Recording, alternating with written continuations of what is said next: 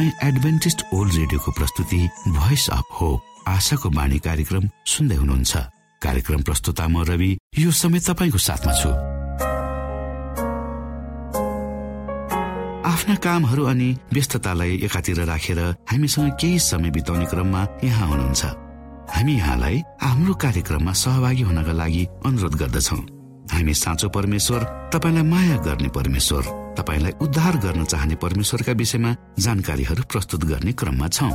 श्रोता यी जानकारीहरू तपाईँको निमित्त अति महत्वपूर्ण पनि हुन सक्दछन्। परमेश्वरको प्रेमले तपाईँको जीवन सञ्चालन गर्न सकेको होस् भन्ने शुभ चाहना सहित हाम्रो कार्यक्रमलाई अगाडि बढाउ सुरुमा सुनौ यो आत्मिक भजन।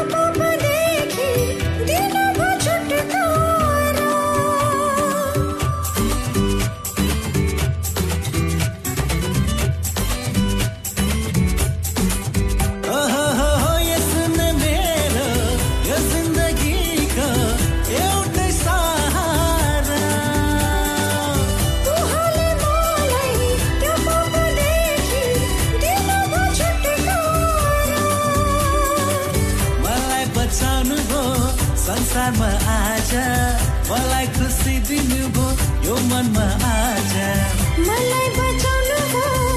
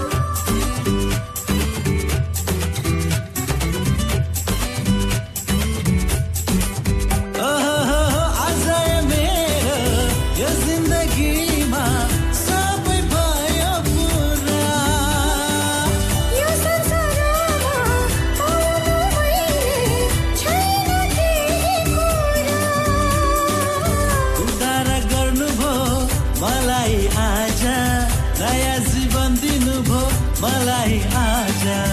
उद्धार गर्नुभयो मलाई आज। नयाँ जीवन दिनुभयो मलाई आज। उद्धार गर्नुभयो नयाँ जीवन दिनुभयो उद्धार गर्नुभयो मैले जीवन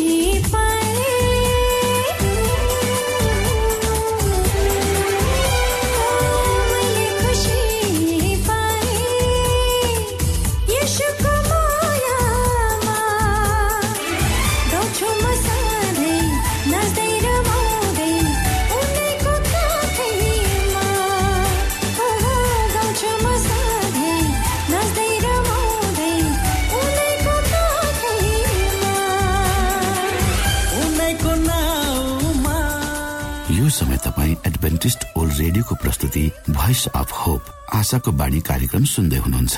श्रोता मित्र यो समय हामी पास्टर उमेश पोखरेलबाट आजको बाइबल सन्देश सुन्नेछौ। श्रोत साथी न्यानो अभिवादन साथ म तपाईँकै आफ्नै आफन्त अर्थात् पास्टर उमेश पोखरेल। परमेश्वरको वचन लिएर यो रेडियो कार्यक्रम मार्फत पुनः तपाईँहरूको बीचमा तपाईँहरूको घर आँगनमा उपस्थित भएको छु। मलाई आशा छ तपाईँले हाम्रा कार्यक्रमहरूलाई नियमित सुनेर परमेश्वर को हुनुहुन्छ र परमेश्वरसँग हिँड्दाखेरि कसरी उहाँको शान्तिको अनुभूति आफ्नो जीवनमा गर्न सकिन्छ भन्ने कुरा आफै अनुभव गर्दै हुनुहुन्छ। आउनुहोस् तपाईँ हामी केही समय परमेश्वर सँगसँगै बिताउ। आजको प्रस्तुतिलाई पस गर्नुभन्दा पहिले म आउनुहोस् परमेश्वरमा प्रार्थना राख्दछु। जीवी जिउँदो महान दयालु परमेश्वर प्रभु हामी धन्यवादी छौँ यो जीवन र जीवनमा दिनुभएका प्रशस्त आशिषको यो रेडियो कार्यक्रमलाई प्रभु म तपाईँको हातमा राख्दछु। यसलाई तपाईँको राज्य र महिमाको प्रचारको यो देश र सारा पुर्याउनुहोस् ताकि धेरै मानिसहरू छन् जसले तपाईँको ज्योतिलाई देख्न सकेका छन्। धेरै मानिसहरू छन् जो अन्धकारमा छन्। तिनीहरूलाई तपाईँको राज्य पुर्याउनु सबै बिन्ती प्रभु। आमेन।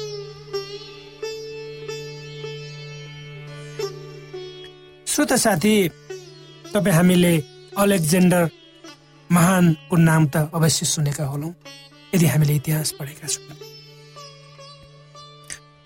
जब अलेक्जेन्डर महान आफ्नो विजय यात्राको युद्धमा देशहरू र सहरहरू जित्दै अगाडि बढ्दै थिए र एउटा सहरमा आफ्नो कब्जा जमाए र उक्त सहरबाट लुटिएका सबै धन सम्पत्ति दौलत उनको अगाडि एक सिपाहीले राख्दै भने अब योभन्दा बेसी तपाईँ के चाहनुहुन्छ र महाशय अलेक्जेन्डर महानले भने यी कुराहरू धेरै समयसम्म टिक्दैन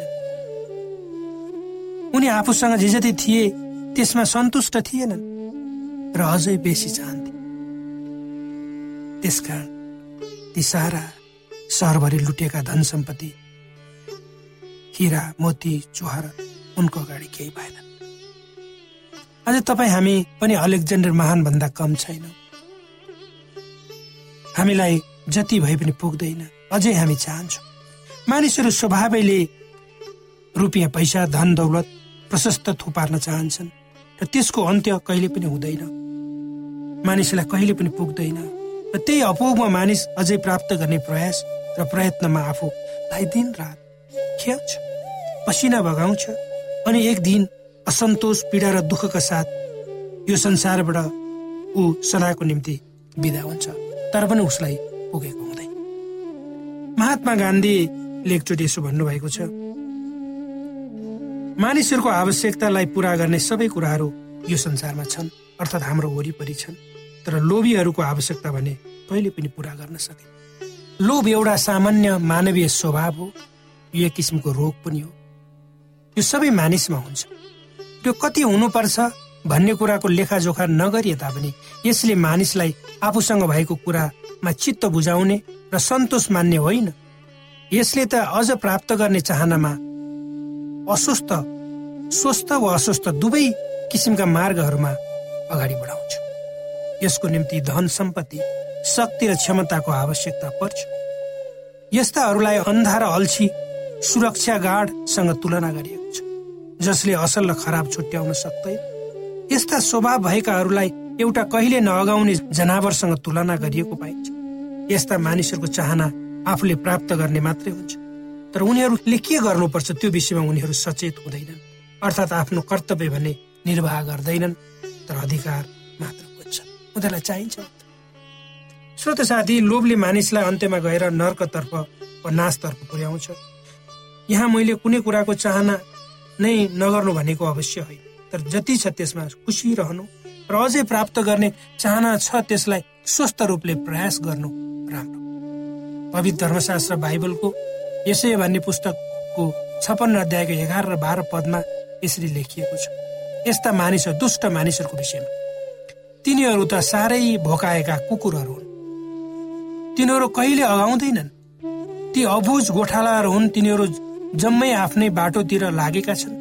प्रत्येकले आफ्नै लाभ मात्र खोज्छन्।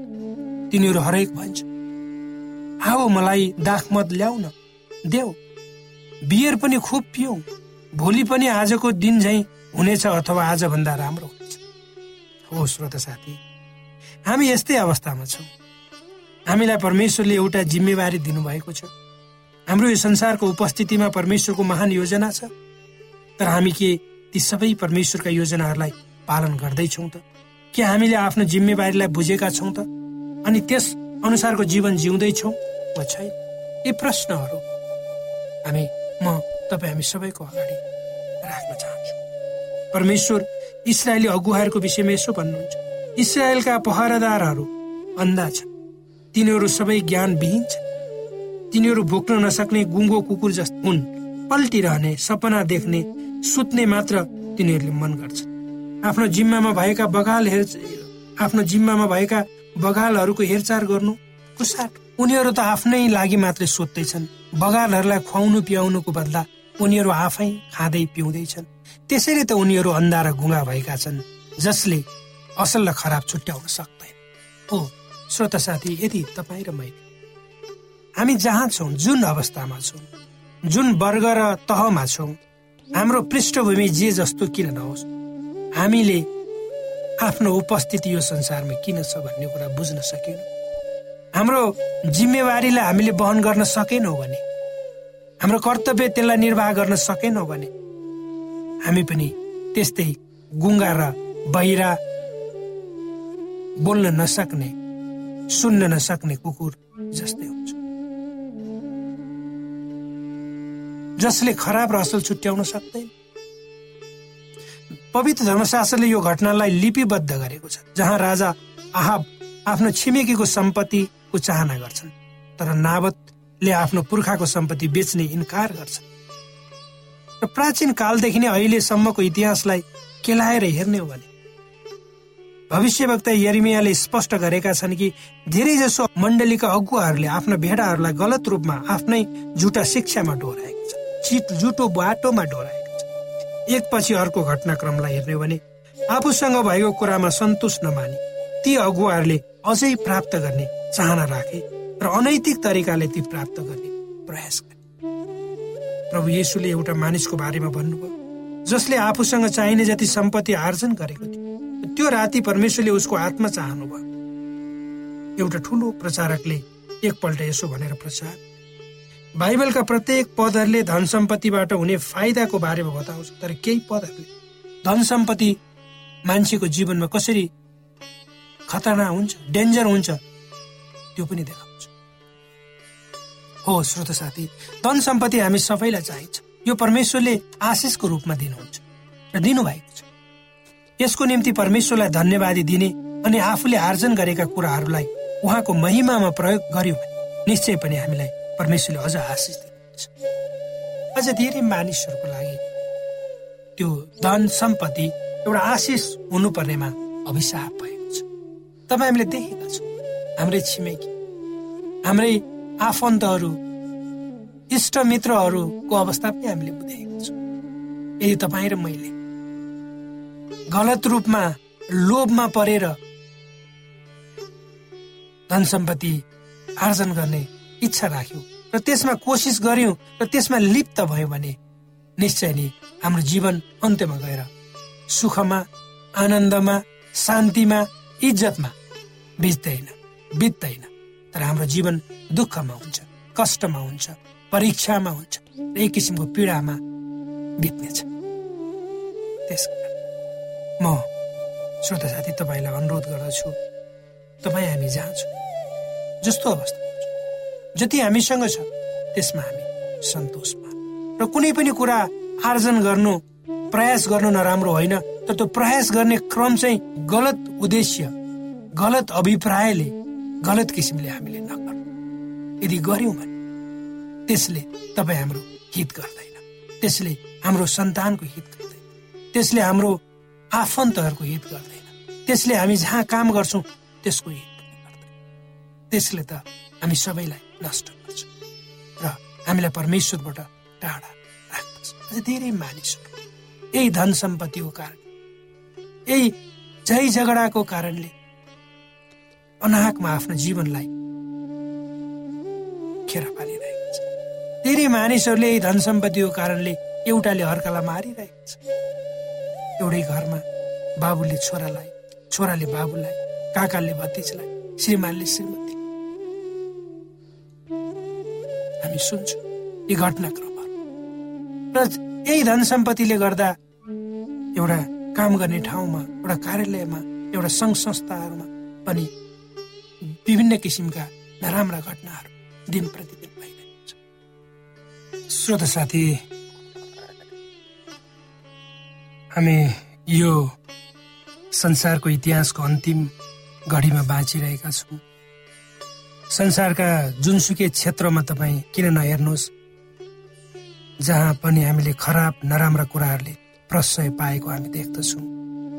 जो मानिस झुट बोल्छ जो मानिसले गलत काम गर्छ जो मानिस भित्र मनमा एउटा कपट राखेर बाहिर अर्कै रूपमा प्रस्तुत हुन्छ चाहे ती समाजका कुनै वर्ग तहका मान्छेहरू किन नहोन्। तिनीहरूकै कारणले गर्दा। तिनीहरूकै त्यो लोभको कारणले गर्दा।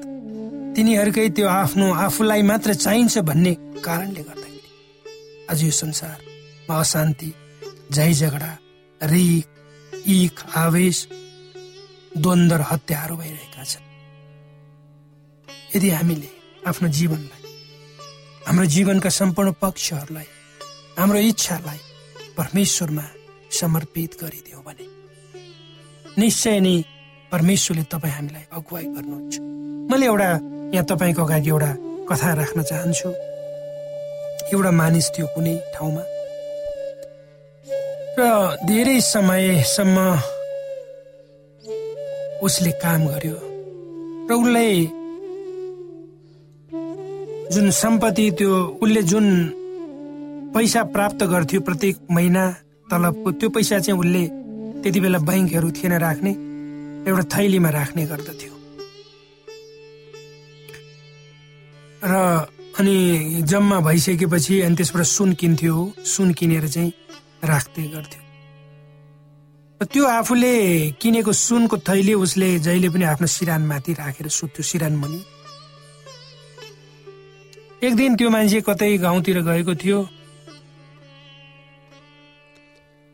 र त्यो गाउँभन्दा माथि एउटा ठुलो बाँध बाँधिएको थियो र पानी अर्कैतिर लगिएको थियो।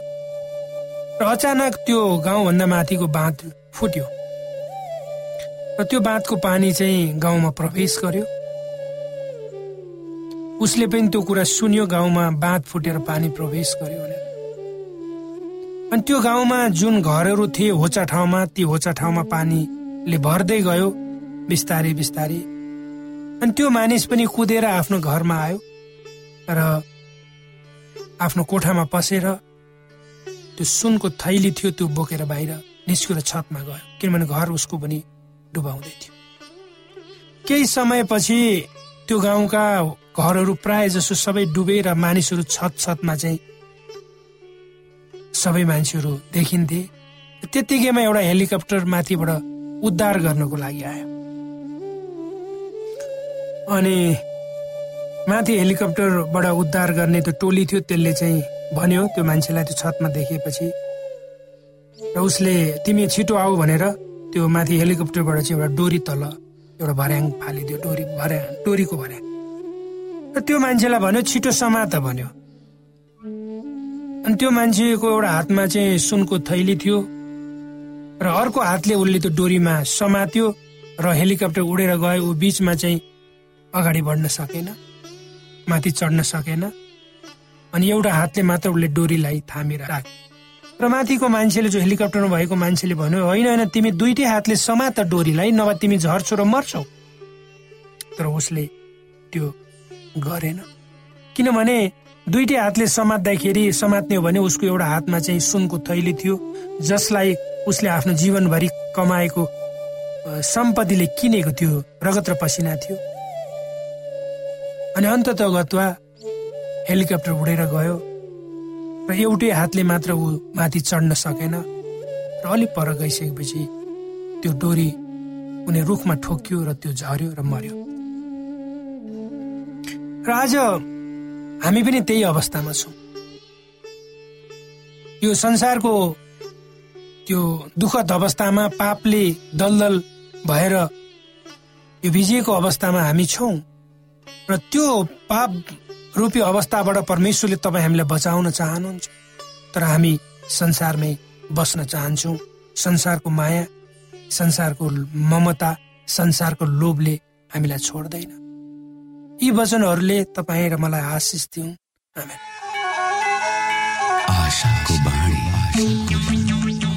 श्रोता भर्खरै यहाँले पास्टर उमेश पोखरेलबाट बाइबल वचन सुन्नुभयो। यो समय तपाईँ एडभेन्टिस्ट ओल्ड रेडियोको प्रस्तुति भोइस अफ होप आशाको बाणी कार्यक्रम सुन्दै हुनुहुन्छ। कार्यक्रम सुनेर बस्नुहुने सबै श्रोतालाई हामी हाम्रो कार्यक्रममा स्वागत गर्न चाहन्छौ।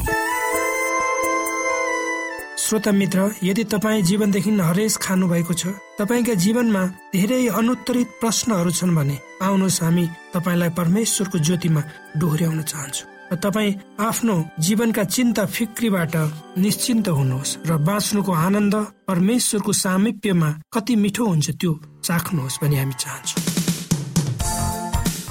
श्रोता यदि तपाईँ आशाको बाणी कार्यक्रमलाई अनलाइन सुन्न चाहनुहुन्छ वा डाउनलोड गर्न चाहनुहुन्छ भने www.awr.org ओआरजीमा जानुहोस्। त्यहाँ तपाईँले प्रत्येक दिनको कार्यक्रम सुन्न र डाउनलोड गर्न सक्नुहुनेछ। हाम्रो वेब पेज यस प्रकार छ www.awr.org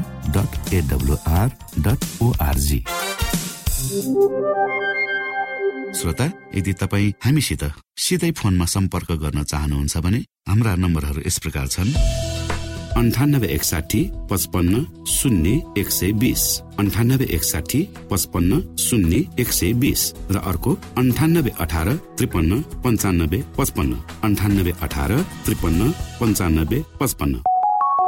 कोभिड नाइन्टिनका सम्पूर्ण खोप वा भ्याक्सिनको सफल परीक्षण गरिएको छ। यी भ्याक्सिन लिनाले हामी गम्भीर बिरामी हुनबाट जोगिन सक्छौ त्यसैले तपाईँ पनि यो खोप लिनुहोस्। यदि तपाईँलाई पहिले नै कोभिड पोजिटिभ देखिसकिएको छ भने तपाईँ यो खोप चाँडै नै लिनुहोस्। यसो गर्नाले हामी र हाम्रो समुदायमा रोग प्रतिरोधक शक्ति चाँडै नै आउनेछ र हामी सबैजना पहिले जस्तै सामान्य जीवनमा फर्कन सक्दछौ। युनेस्को डब्लुएचओ र रेडियो कार्यक्रम आशाको बाणीबाट जनहितमा जारी सन्देश।